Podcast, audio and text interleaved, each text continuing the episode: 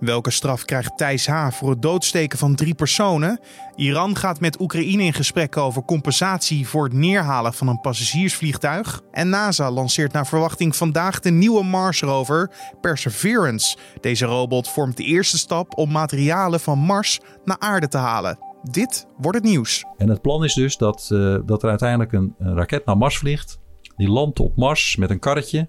Die haalt dat, uh, die 43 reageerbuisjes op stopt ze in een kleine raket, uh, lanceert vanaf Mars, uh, brengt de samples over naar een, een zogeheten rendezvous, uh, Earth Rendezvous raket, vliegt terug naar de aarde en op aarde landt dat ergens en kunnen ze het dus gaan onderzoeken. Ruimtevaartdeskundige Erik Laan hoorde je daar over de missie. Vanmiddag zijn dus alle ruimtevaartogen gericht op de Perseverance. Straks blikken we alvast vooruit. Maar eerst kijken we naar het belangrijkste nieuws van nu. Mijn naam is Carne van der Brink en het is vandaag donderdag 30 juli. Een derde van de kinderen wereldwijd heeft een loodvergiftiging. Dat meldt UNICEF op basis van onderzoek in samenwerking met milieuorganisatie Pure Earth. In Nederland gaat het om 60.000 kinderen die grotendeels vergiftigd zijn door water uit lode leidingen. De helft van de 800 miljoen vergiftigde kinderen komt uit Zuid-Azië. Kinderen raken onder meer vergiftigd door onzorgvuldige recycling van accu's. Hierdoor komt loodstof terecht in de grond. Vooral zwangere vrouwen, baby's die met de fles worden gevoed en kinderen tot een jaar of vijf lopen risico als ze langdurig aan lood worden blootgesteld. De partijen pleiten voor dringende maatregelen om dit probleem aan te pakken. De digitale nieuwskiosk Blendel wordt overgenomen door zijn Franse concurrent Caféen. De twee bedrijven zullen samen zo'n 1,5 miljoen gebruikers in Nederland, Frankrijk, Italië en het Verenigd Koninkrijk bedienen. En gebruikers krijgen toegang tot veel meer kranten en tijdschriften. Medeoprichter Alexander Klupping zegt dat hij met deze deal zijn lang gekoesterde droom om verder uit te breiden in het buitenland vervult. Zelf stopt hij wel na de overname als CEO van Blendel. Hij zal zich voortaan in het bestuur van Caféen richten op de journalistieke visie van het bedrijf. Aria Chouet, oprichter van Caféen, gaat de gehele Caféen-groep, inclusief Blendel, leiden. Brazilië heeft een record aantal nieuwe besmettingen en sterfgevallen als het gevolg van het coronavirus gemeld. In het afgelopen etmaal noteerde het land bijna 1600 nieuwe sterfgevallen en meer dan 60.000 besmettingen. Diezelfde dag kondigde de Braziliaanse overheid aan dat de coronamaatregelen verder versoepeld worden door het internationale vliegverkeer weer toe te staan. Daarmee opent het land het luchtruim sneller dan andere minder zwaar getroffen landen in het gebied. Het zwaar getroffen land heeft nu meer dan 2,5 miljoen besmettingen en 90.000 doden. Alleen de Verenigde Staten tellen meer besmettingen en sterfgevallen. Tijdens de avondklok in de Belgische provincie Antwerpen is het voor vakantieverkeer wel toegestaan om door de provincie te rijden, mits er niet wordt gestopt om te rusten of te tanken. Dat laat het Nederlandse ministerie van Buitenlandse Zaken weten. In de aan Nederland grenzende provincie geldt sinds woensdag een avondklok tussen half twaalf en zes uur. Tijdens de avondklok is het onder meer voor doorgaand verkeer niet toegestaan om een bezoek af te leggen aan de provincie Antwerpen. Er wordt een uitzondering gemaakt voor noodzakelijk reis- en werkverkeer. Ook vakantieverkeer mag dus tijdens de avondklok door de provincie rijden. Wat goed nieuws is voor de vele Nederlanders die de komende dagen richting het zuiden van Europa rijden voor een vakantie. Als het weer goed blijft, dan zal NASA vanmiddag iets voor tweeën de Mars rover Perseverance lanceren. De rover, lancering en gehele missie hebben een prijskaartje van zo'n 2 miljard Amerikaanse dollars. Als er nog een extra reden nodig was om alles vlekkeloos te laten verlopen, dan is dat hem wel. Voor dat bedrag mogen we wel een hoop verwachten. Perseverance zal niet enkel scherpere foto's maken van het oppervlak van de rode planeet, maar verzamelt ook steen- en bodemmonsters. En hier komt echt het bijzondere. Deze kleine stukjes Mars moeten uiteindelijk teruggestuurd worden naar aarde. Dat moet in de toekomst gebeuren met de nog te maken Earth Return Orbiter, waar ook de European Space Agency, oftewel de ESA, aan meewerkt. Genoeg om over te praten en dat deed collega Julien Dom dan ook met ruimtevaartdeskundige Erik Laan. Om te beginnen wilde Julien weten hoe deze missie nou verschilt met die van eerdere rovers, zoals de Opportunity en Curiosity, die naar Mars zijn gestuurd. Uh, ja, eerdere rovers zijn inderdaad uh, naar Mars gestuurd met allerlei, met allerlei doelstellingen. En er was ook nog een nog eerdere rover, de Sojourner in 1998. Dat was echt een heel klein karretje. Dat paste net in een, in een schoenendoos. En er zat eigenlijk maar een camera op en een simpel instrument om wat aan een steen te kunnen meten. maar met Opportunity en zijn tweelingzus de, de Spirit in 2004... ja, is er echt wel een stap gemaakt in ja, next level exploratie. Maar goed, aan boord van deze rovers zat, zaten natuurlijk allerlei meetinstrumenten. En die hebben bijvoorbeeld gekeken naar rivierbeddingen die ze hebben gezien. Uh, en ja, ik, ik, gebruik al het woord rivierbedding. maar goed, dat, dat weet je natuurlijk nooit als je zoiets ziet. Hè. De geologen die zien die foto's en die herkennen allerlei patronen. En die zeggen, hey, hier heeft vroeger water gestroomd. Een beetje als de Grand Canyon ziet het er dan uit van de verwachting is, daar ging iets doorheen. Ja, en, dat, en als je daaraan gaat rekenen, als je dat gaat modelleren van hoe kan zoiets ontstaan, hè, dan gebruik je allerlei modellen en dan ga je, ga je daar uh, allerlei vloeistoffen doorheen laten lopen. En dan kom je eigenlijk uit, ja, alleen water kan zoiets uh, veroorzaken. Uh, en dat kun je dus een, een, teken van leven noemen. Een, een, teken van leven, daar gaat deze Perseverance dus ook naar op zoek. Waar moeten we dan aan denken? Wat is succes in, de, ja, in de mond van wetenschappers als het gaat om een teken van leven? Ja, dat is natuurlijk een, een breed begrip, teken van leven. Uh, nou gaat deze nieuwe rover, de Perseverance, die mogen met een Atlas V raket uh, naar Mars uh, gaat. daar zitten instrumenten aan boord om ja, bijvoorbeeld te kijken naar biologische moleculen. en zogeheten biofilms die ze kunnen zien op, op gesteentes. Je kunt je voorstellen dat als er vroeger water heeft gestroomd op Mars en er heeft biologisch materiaal uh, in gezeten, algen bijvoorbeeld. Ja, die laten allerlei resten achter nadat ze ja, doodgaan. en die resten, ja, die, die kunnen soms vrij hardnekkig zijn. En zo hardnekkig dat ze na miljoenen jaren nog steeds, dat je daar sporen van kunt zien op die gesteentes. En daar gaan ze dus heel specifiek met een instrument aan boord van die Perseverance rover gaan ze daar naar kijken. Nou, heb ik gehoord dat deze rover uh, dus het een en ander opboort, het een en ander bewaart en laat liggen op het oppervlak om mogelijk op een later moment, en dan praten we over jaren, terug te halen naar aarde. Uh, is dat realistisch? Zit dat er ook echt aan te komen? Uh, dat is zeker realistisch. Dat heet het Mars Sample Return programma. En dat, dat staat ervoor om hè, dus, monsters op Mars, om die terug te brengen naar aarde. En op aarde ja, verder te onderzoeken uh, waar, waar ze uit bestaan. Want je moet je voorstellen, uiteindelijk uh, laboratoria op aarde zijn altijd nog steeds veel beter dan wat wij op een in een beperkte raket zeg maar, op Mars kunnen neerzetten. Dus je hebt altijd liever zo'n sample in een, in een aards laboratorium... dat je het helemaal kunt ontleden... in plaats van dat je het daar uh, onderzoekt. Maar nou uh, hoorde ik dat bemande vluchten naar Mars... dat zijn, uh, wordt altijd gesproken over it's a one-way trip. Oftewel één keer heen en niet meer terug. Hoe kan dit dan wel weer terug op den duur? Is, is daar wel iets voor uitgevonden dan al? Ja, nou, de, de one-way trip voor mensen, dat is, uh, hè, dat was Mars One natuurlijk. Uh, uh, die wilde dat doen, het Nederlands bedrijf uit Amersfoort.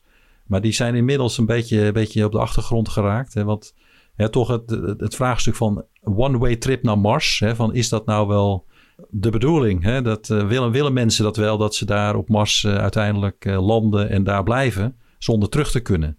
En nu zullen overheden zullen dat nooit uitvoeren. Want met belastinggeld ga je niet zeggen: hup, ga er maar heen en, en blijf daar maar en zoek het maar uit. Hè, dan zul je altijd weer die, die, die mensen terug willen halen. Um, en, en het probleem is echt het terughalen van materiaal van Mars. Hè, want je moet je bedenken, als je naar Mars vliegt uh, en je landt daar en je wil ook weer terug, dan kost dat heel veel brandstof. Ja, je moet het al bij je hebben. Ja, dat zou je in principe moet je dat al bij hebben. Er zijn, je kunt een vrij simpele berekening doen. Uh, als je bijvoorbeeld kijkt naar de, de Apollo 11 missie naar de maan. Uiteindelijk, wat er lanceert is een raket van 110 meter hoog. Maar wat er uiteindelijk terug op aarde landt, dat is een kleine capsule waar drie astronauten op elkaar uh, zitten. En dat is wat er overblijft uiteindelijk na die missie van naar de maan vliegen en terug wat je overhoudt. En de rest is allemaal verdwenen. Dat is of uh, verbrand in de atmosfeer, of dat vliegt ergens in een baan om de zon, of dat staat nog op de maan, of waar dan ook. Uh, dus je hebt zoveel materiaal nodig om überhaupt daar te komen. Nou, voor Mars is dat nog eens een, een, een orde erger. Dus je moet je voorstellen, niet een raket van 110 meter hoog, maar een raket van, van een kilometer hoog om naar Mars te vliegen En om weer terug te komen en dan een kleine capsule te laten landen op aarde. Heel simpel die- gezegd, dat zijn nog wat technische hobbels die eh, overkomen en, en moeten een raket worden. van een kilometer is gewoon eh, niet, niet, niet realistisch. Dat is niet, eh, niet te bouwen. Daar, daar, zijn, er, is- er staan geen materialen voor om een raket van een kilometer hoog te bouwen. Dus je zult dat moeten doen met meerdere lanceringen. Hè, je hebt er dus heel veel eh, ja, materieel voor nodig. Er zijn berekeningen 27 lanceringen om dus mensen naar Mars te vliegen en weer terug. En voor als we praten over deze bodemmonsters dan, eh, dat lijkt mij met een stuk minder lanceringen dan te Ja. kunnen, omdat we over minder gewicht praten. Eh, enig idee hoe dat in de, in de voet staat? Ja, nou wat, eh, wat, het, wat het plan is van Mars Sample Return is dat met die Perseverance rover een zogeheten sample cache meegaat. En dat zit aan boord van dat, eh, van, van dat karretje. Eh, en er zit een, zit een soort drill aan de rover. Als hij een interessant sample heeft gezien, kan hij daar een boorkern van, het, van het materiaal ja, in een soort, soort reageerbuisje stoppen. In die sample cache stoppen. En zo kan hij 43 samples ja, op een gegeven moment bewaren. En als hij ze alle 43 heeft gevuld, alle 43 reageerbuisjes, dan kan hij zeggen: Oké, deze set van reageerbuisjes, die laat ik ergens achter op Mars voor de toekomst om dat weer terug te brengen naar, eh, naar aarde. En het plan is dus dat, eh, dat er uiteindelijk een, raket naar Mars vliegt. Die landt op Mars met een karretje. Die haalt dat, eh, die 43 reageerbuisjes op. Stopt ze in een kleine raket. lanceert vanaf Mars.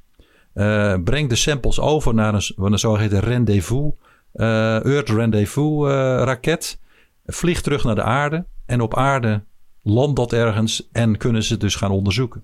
En dat is dan een traject waar ook weer de ESA, oftewel de Europese ruimtevaartorganisatie, aan meewerkt, toch? Samen met de NASA. Ja, ja, dat is een internationaal project wat gestart is om, om dat mogelijk te maken. En er zijn inderdaad ESA, ja, gaat daar onderdelen van die missie ja, ontwerpen en, eh, en bouwen en ontwikkelen. Als we nog eventjes teruggaan naar de Perseverance rover, die heeft ook een kleine helikopter, schuine streep drone aan boord. Is vliegen op Mars net zo makkelijk als hier op aarde? Eh, nee, dat is een stuk eh, lastiger. Dat is hoe je het bekijkt. Hè, de luchtdruk op Mars is ja, ongeveer een factor 500 lager dan op aarde.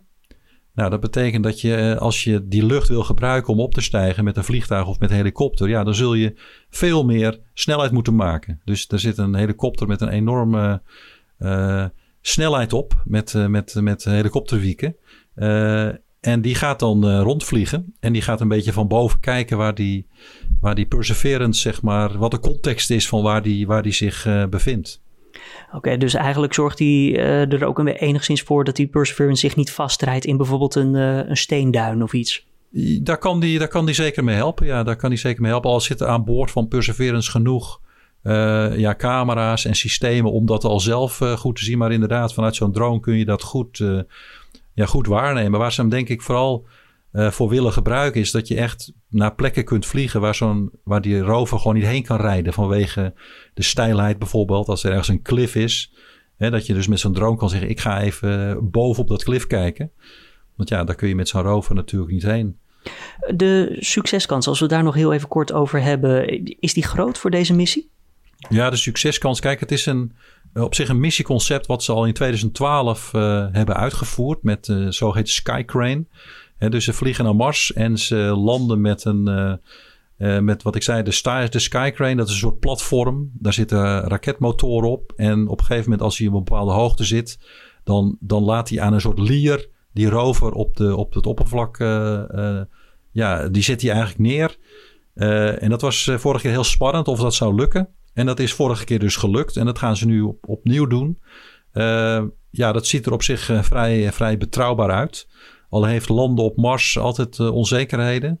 je weet nooit precies op het moment van re-entry bij Mars. Als je capsule zeg maar aankomt bij Mars, gaat die ja, toch in de orde bijna 10 km per seconde.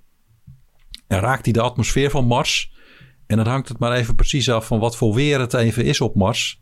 Hoe hoog de luchtdruk nou precies op dat moment is.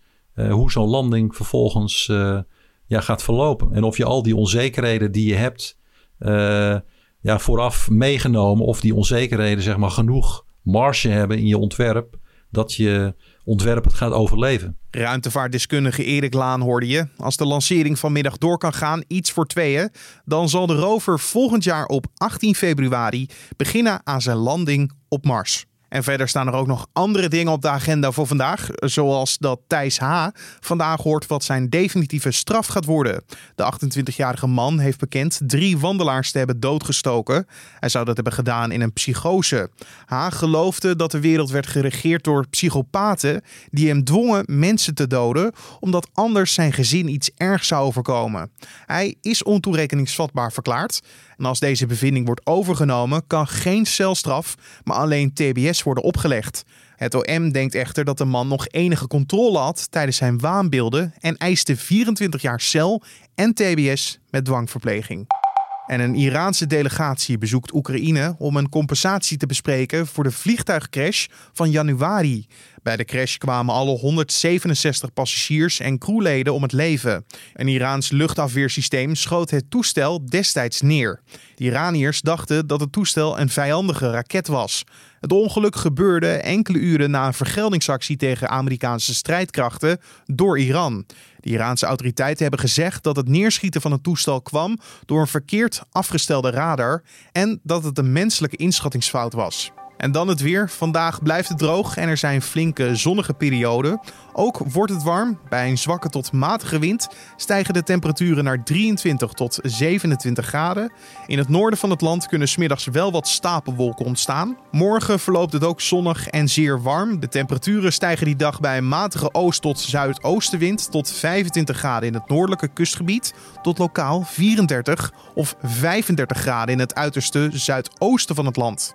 En dan zijn we aan het einde gekomen van deze Dit wordt het nieuws podcast voor de donderdagochtend 30 juli. Ik sluit de podcast nog niet af voordat ik je heb gevraagd of je ons wil helpen met feedback, vragen of suggesties te sturen naar podcast.nu.nl. Dat is ons mailadres. En als jij een mailtje stuurt, dan behandelen wij die ook gelijk in de openbare redactievergadering van nu.nl op de vrijdag in de Week van Nu podcast. Dus stuur vooral een mailtje door naar podcast.nu.nl. De podcast vind je in de ochtend en middag op de voorpagina van Nu. En natuurlijk kan je je gratis abonneren op deze podcast in je favoriete podcast-app, zoals Spotify, Apple Podcast of Google Podcast. Mijn naam is Carne van der Brink. Ik wens je een hele mooie dag en tot morgen.